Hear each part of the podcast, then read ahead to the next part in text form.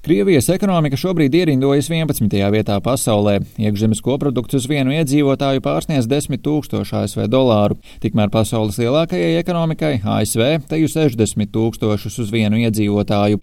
Tālu priekšā ir arī Eiropas Savienības lielākā ekonomika Vācija, kur IKP uz iedzīvotāju ir teju 45 tūkstoši dolāru. Priekšā arī Itālija, Francija un Lielbritānija.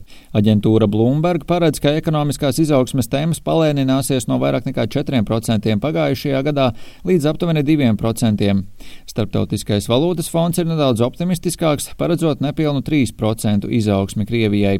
Pandēmijas laikā atbalsts un naudas izdale, tostarp veterāniem un pensionāriem, ir palielinājuši mājasēmniecību ienākumus, taču pagājušā gada beigās Krievu reāli rīcībā esošie ienākumi joprojām bija zemāki par tiem rādītājiem, kādi tie bija pirms Krīmas aneksijas 2014. gadā. Vājš rublis un inflācija šīs problēmas pastiprina. Kremļa radītā drošības krīze svārsta un negatīvi ietekmē arī Krievijas akciju tirgu, un tas vērojams jau pēdējos divos mēnešos, turpina bankas citadela ekonomists Mārtiņš Āboliņš. Ja mēs paskatāmies uz Krievijas uh, akciju indeksu, dolāru izteiksmē, galveno RTI indeksu, tur šobrīd kritums pēdējos dažos mēnešos apmēram 25% ir nu, tas līmenis Kas mēs skatāmies joprojām kādā 2021. gada sākums. Tāpēc jā, nu, ir, ir paliels kritums un tādiem attīstības tirgiem. Šāda mēroga svārstības nav nekas tāds unikāls. Tas noteikti nu, atspoguļo kaut kādā mērā šos kara riskus. Bet, ja mēs paskatāmies uz uh, salīdzināmu situāciju, teiksim, 14. gadu pēc, pēc Krimas aneksijas kritums bija būtiski lielāks, no 50% bija, un arī rubļa vērtības kritums bija būtiski lielāks nekā tas ir šobrīd. Vairākus gadus Putins pavadījis gatavojoties ekonomiskam triecienam. Kremlis ir koncentrējies uz finanšu barikāžu celšanu, makroekonomiskās disciplīnas ieviešanu un atradināšanos no ASV dolāra. Pat tad, kad Covid-19 pandēmijas dēļ mājasēmniecības izjuta lielu spiedienu, Maskava budžetu turēja ciešā satvērienā.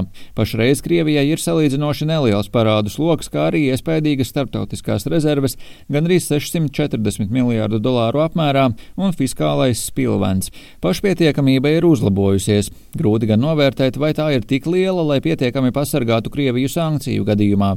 Turpina Čikāgas Universitātes profesors un Maskavas augstākās ekonomikas skolas viesprofesors Konstantīns Soņins.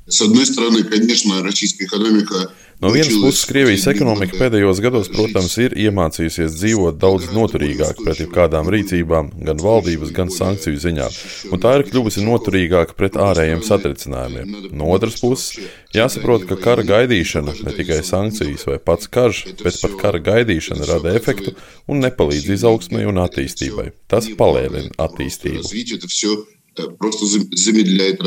Produktivitāte un izaugsme tiek upurēta stabilitātes un režīma saglabāšanai, pievienojot pastāvīgo atkarību no naftas un gāzes, kā arī sliktu demografisko stāvokli, ievainojamība kļūst vēl izteiktāka. Krievija diezgan ievērojami investē aizsardzībā, kas nozīmē centralizāciju, lielus ietaupījumus un zemes investīcijas nākotnē. Savukārt ārvalstu tiešās investīcijas ir nelielas. Krievijas ekonomikas pētnieks Ričards Konolijs šo politiku dēvē par Kalašņikova ekonomiku, kas vispirms celta izturībai, nevis veiktspējai, kur valsts neveicina stimulu, bet drīzāk darbojas kā kavēklis. Valsts ekonomikas lielums ir viens no svarīgākajiem faktoriem, kas nosaka tās militāro un politisko nozīmi pasaulē. Tiesa, lai gan Krievijas ekonomika nebūtu nav milzīga un ar gana pietiekamām problēmām, Kremlim ir izdevies uzturēt savas pozīcijas globālajā arēnā kā būtiskam militāram un politiskam spēlētājam. Izveidojot drošības krīzi Eiropā, Kremlim ir iespēja atturēt vai ietekmēt Eiropu arī ar gāzes piegādēm.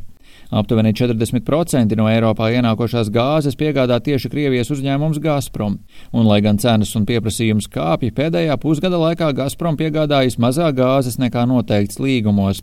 Eiropas komisijas prezidente Urzula Fonderleina uzsvērusi, ka Eiropas vēršanās pie partneriem un piegāžu nodrošināšana no citiem avotiem ļauj teikt, ka šo ziemu Eiropa var iztikt bez Krievijas gāzes, ja tā nolems piegādes pilnībā pārtraukt. Taču arī Krievijai Eiropa ir vajadzīga, jo tā ir Maskavas galvenais tirdzniecības partneris un līdz šim lielākais gāzes tirgus.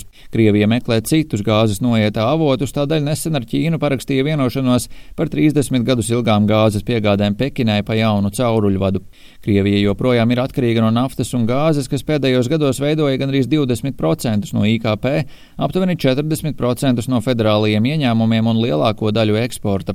Kā aģentūrai Bloomberg norādījusi Marija Šagina, sankciju eksperte un Somijas starptautisko attiecību institūta nerezidējošā pētniece, Eiropa nenovērtē savas spējas, koncentrējoties tikai uz savu vājumu un neņemot vērā pašas Krievijas ievainojamību. Krievijas ievainojamību varētu mazināt Ķīna, tomēr jebkādas būtiskas izmaiņas eksportā būtu lēnas, un Pekina smagi strādājusi, lai dažādotu savu energoapgādi. Tāpat Ķīnas uzņēmumi, un jo īpaši to bankas, ir skeptiski noskaņoti pret atdevi Krievijā un piesardzīgi no sapīšanās ASV sankcijās. Rihards Plūme, Latvijas radio.